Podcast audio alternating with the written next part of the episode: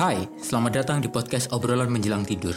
Di podcast ini, kami akan sedikit sharing tentang sebuah pengalaman hidup atau apa pun yang ada di pikiran kami. Topik pembahasan kedua podcast kali ini berjudul Quarter Life Crisis. Apaan tuh? Oh ya, kenalin, aku Faras Haidar. Di sini aku akan sedikit bercerita dan sedikit sharing tentang beberapa pengalamanku yang berhubungan dengan self improvement. Di sini aku masih bersama partner saya yaitu Citra. Hai. Oke. Nah, dari pembahasan episode pertama nih, aku dapat sedikit insight dan informasi tentang perjalanan menuju pendewasaan. Dari yang aku baca dari sebuah artikel, pada masa pendewasaan kita akan mengalami sebuah masa, yaitu masa quarter life crisis. Citra pernah denger nggak sih atau pernah mengalami? Ya, pastinya pernah dong mengalami masa-masa quarter life crisis. Uh, tepatnya pas menjelang masuk usia kepala dua, pokoknya masa-masa remaja akhir-akhir deh. Oke, kalau boleh tahu nih, quarter life crisis itu apaan sih? Quarter life crisis menurutku itu masa di mana kita mengalami rasa cemas terhadap masa depan. Merasa cemas apa yang akan kita hadapi nanti ke depannya.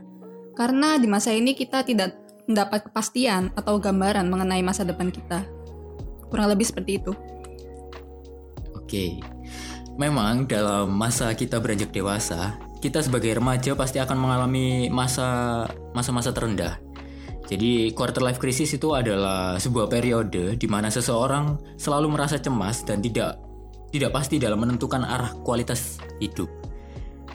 Bisa ya bisa kita bilang itu seperti kebingungan akan kehidupan yang akan dibawa ke mana gitu sih. By the way, sedikit cerita nih. Waktu aku lulus SMK dulu, menurutku yang benar-benar aku ngerasa di masa terendahku saat itu jadi singkat cerita aku lulus sekolah pada saat itu. Udah terbebas kan harusnya, udah terbebas dari segala urusan sekolah. Dari ya sudah lepas dari kewajiban untuk bersekolah setiap hari. Itu pasti kegembiraan yang ada kan. Nah, tapi di sisi lain aku bingung aku harus ngapain habis ini. Dan dari situ aku nyoba dari dengan segala kemampuanku yang pernah aku dapetin di masa sekolah untuk melamar pekerjaan ngelamar ke sana, ngelamar ke sini, sampai beberapa lamaran aku taruh dan mendapatkan hasil yang nihil. Aku sempat nganggur tuh sampai kira-kira setahun sih buat nyari pekerjaan doang gitu. Bener-bener itu masa-masa yang paling berat sih menurutku. Dan aku pada saat itu ngerasa bingung, takut dan gak berguna sih pada saat itu. Kalau Citra sendiri nih, punya pengalaman gak sih tentang quarter life crisis ini? Iya, pastinya punya dong Bahkan sampai sekarang masih mengalami aku ini. Apalagi sekarang aku udah jadi mahasiswa tua kan ya. Aku udah semester akhir. Yang habis ini lulus dan belum tahu arah dan tujuan setelah lulus itu apa. Mana di masa pandemi gini kan cari kerja agak repot ya. Dan aku merasa belum siap aja buat menghadapi dunia yang sebenarnya. Aku selalu overthinking mengenai masa depan. Uh, aku nanti mau jadi apa? Nanti kerja di mana? Aku bisa survive apa enggak?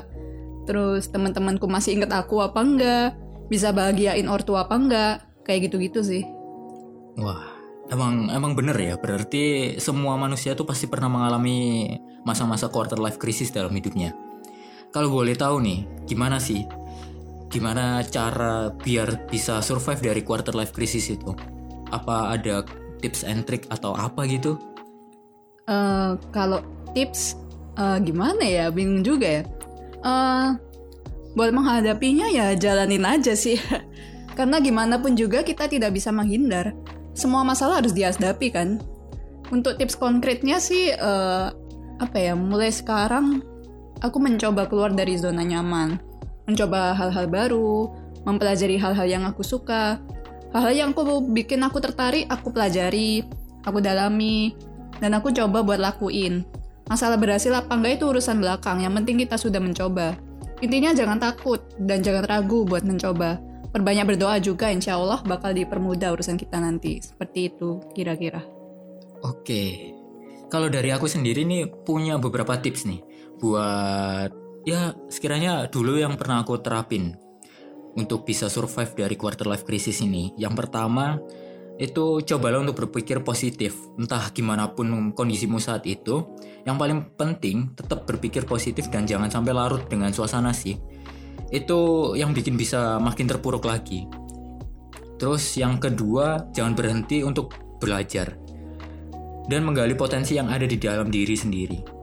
Kalau dari pengalamanku tadi, beberapa penolakan ketika aku melamar pekerjaan itu aku jadiin buat evaluasi diri dan bikin aku makin penasaran nih apa sih yang kurang dari aku dan gimana sih cara untuk bisa diterima oleh dunia kerja. Yang ketiga adalah mengakui kekurangan dan kelebihan pada diri masing-masing. Nah, menurutku ini yang paling penting. Dikarenakan ketika kita mengerti atas segala kekurangan dan kelebihan, kita bisa tuh untuk mengukur kita itu cocoknya di mana. Oke, yang keempat, jangan membandingkan diri sendiri dengan orang lain. Ini benar-benar jangan dilakuin sih. Ketika kita membandingkan kemampuan kita di saat itu juga kita akan merasa insecure. Kita akan semakin tidak bisa menerima diri sendiri ketika tahu kalau orang yang kita bandingkan itu lebih jauh lebih baik dari kita. Dan yang terakhir adalah membuat rencana hidup. Ini yang paling penting sih, dikarenakan kita dalam hidup pasti mempunyai sebuah planning untuk kita akan melangkah ke mana. Catat semua tuh, apa yang ingin kita capai, selain itu membuat beberapa opsi dalam rencana tersebut. Misalkan nih, kita memang tidak bisa untuk menuju tujuan satu, nah kita masih ada opsi tujuan kedua untuk menggantikan rencana awal kita. Mungkin beberapa tips dari aku bisa kalian coba sih. Menurutmu make sense gak sih? Ya, make sense. Terutama yang uh, membuat rencana itu ya, itu paling penting itu membuat rencana. Jadi uh, mulai sekarang ini kita boleh banget itu membuat rencana apa pun rencana kita uh, walaupun terlihat remeh ya rencananya tapi ya coba buat aja nggak apa-apa karena uh, dari situ kita bisa lihat kita potensinya ke depannya seperti apa atau kita juga bisa menargetkan diri kita sendiri nanti ke depannya mau bagaimana seperti itu. Oke, kalau boleh tahu nih, Citra planning untuk ke depannya itu mau ngapain sih? Atau udah ada planning nih bisa cerita apa bisa diceritain nggak sih? Ya, uh, planning uh, udah ada sih ya. Aku uh, kan kuliah di jurusan kedokteran hewan, pastinya uh, orang-orang pinginnya ya lulus jadi dokter hewan gitu. Tapi ya belum tahu sih ya. Aku aku selain jadi dokter hewan itu juga pingin uh, mencoba hal yang lain gitu aku kan dari dulu kan suka berbisnis gitu ya dari dari kecil gitu dari SD itu aku sudah mencoba untuk uh, membuka bisnis kecil-kecilan. Jadi uh, aku sudah bisa dibilang sudah banyak pengalaman sih ya walaupun pengalaman kecil-kecilan bisnis kecil-kecilan. Tapi setidaknya uh, aku udah uh, mengerti basic-basicnya lah. Jadi uh, selain mau jadi dokter hewan ya juga mendirikan bisnis gitu. Bisnis uh, apa aja lah pokoknya. Aku pinginnya bisnis fashion sih ya. Bisnis fashion atau enggak bisnis kuliner. Tapi ya nggak tahu lah ke depannya gimana. Pokoknya sekarang planning dulu lah. Planningnya itu seperti itu. Oke. Yang bisnisnya yang sekarang sudah dirintis itu apaan sih kak?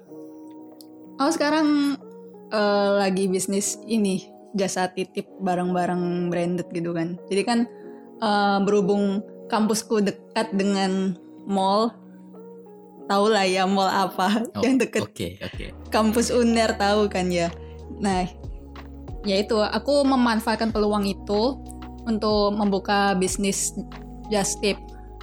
Uh, lumayan sih ya. Uh, ada perkembangan ya makin makin hari makin hari. Uh, ya bisa dibilang ini memiliki potensi yang lumayan sih untuk ke depannya. Jadi uh, ya walaupun masih kecil-kecilan dan aku masih merintis, tapi setidaknya uh, aku punya target gitulah.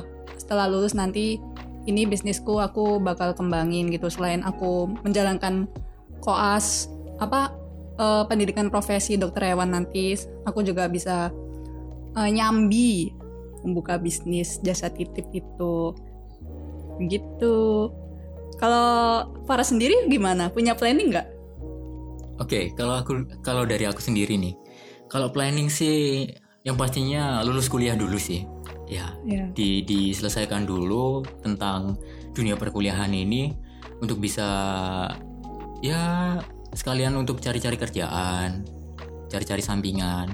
Soalnya aku aku sendiri untuk saat ini itu kuliah sambil bekerja. Jadi bekerja jadi video editor dan sebagainya. Itu emang bener-bener dari aku tahun 2017 sih udah ngerintis itu semua.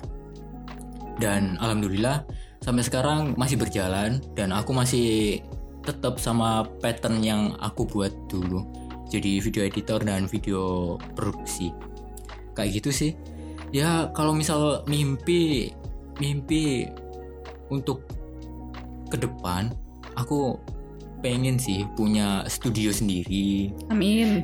ya ya studio oh studio buat produksi sendiri dan sebagainya untuk ngelancarin kerjaan utama aku aja sih kayak gitu sih Ya keren keren keren.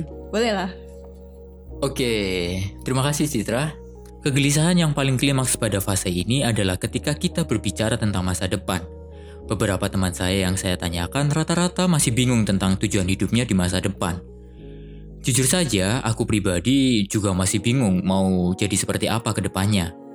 Ya, fase menjadi dewasa yang saya rasakan adalah fase di mana kita akan sering bergontakan di kegiatan hingga menemukan kecocokan dalam diri. Implementasinya seperti kita mencari jodoh. Tak jarang seseorang yang tidak menyukai sesuatu akan lari dan mencari apa yang mereka sukai. Tapi tak apalah, jikalau jalan hidup memang tak sesuai dengan rencana awal. Memiliki ketertarikan di lain dan disiplin ilmu membuat kita merasa mempunyai nilai plus. Toh kata orang, tidak ada yang sia-sia di dalam dunia ini. Dan sekarang mulai muncul pertanyaan-pertanyaan yang tidak bisa dijawab oleh pikiranku. Mulai dari besok mau jadi apa, mau menikah umur berapa, besok mau memilih tinggal di mana, dan lain sebagainya. Dalam hati mulai berkata, capek juga ya menjadi orang dewasa yang harus terus berpikir positif agar diri tidak stres. Mungkin kata orang saya sedang mencari jati diri dan termasuk dalam fase quarter life crisis. Ya, semoga apa pun yang sudah kita rencanakan dan apa pun yang telah kita impikan, semoga tercapai untuk di masa depan nanti. Dan memang hidup tidak akan terlepas dari permasalahan. Masalah terberatnya adalah dilema dalam memilih pilihan hidup. Kita terlalu banyak menimbang-nimbang dan berpikir pilihan mana yang sebenarnya baik untuk kita. Kegagalan akan membuatmu belajar beradaptasi, menghadapi tantangan baru, dan membentuk kepribadianmu jadi lebih siap dan matang. So, jangan sampai putus asa dan tetap semangat untuk bisa menggapai apa pun yang sudah kita impikan. Sekian dari saya, Farsaider. See you on the next podcast. Ciao.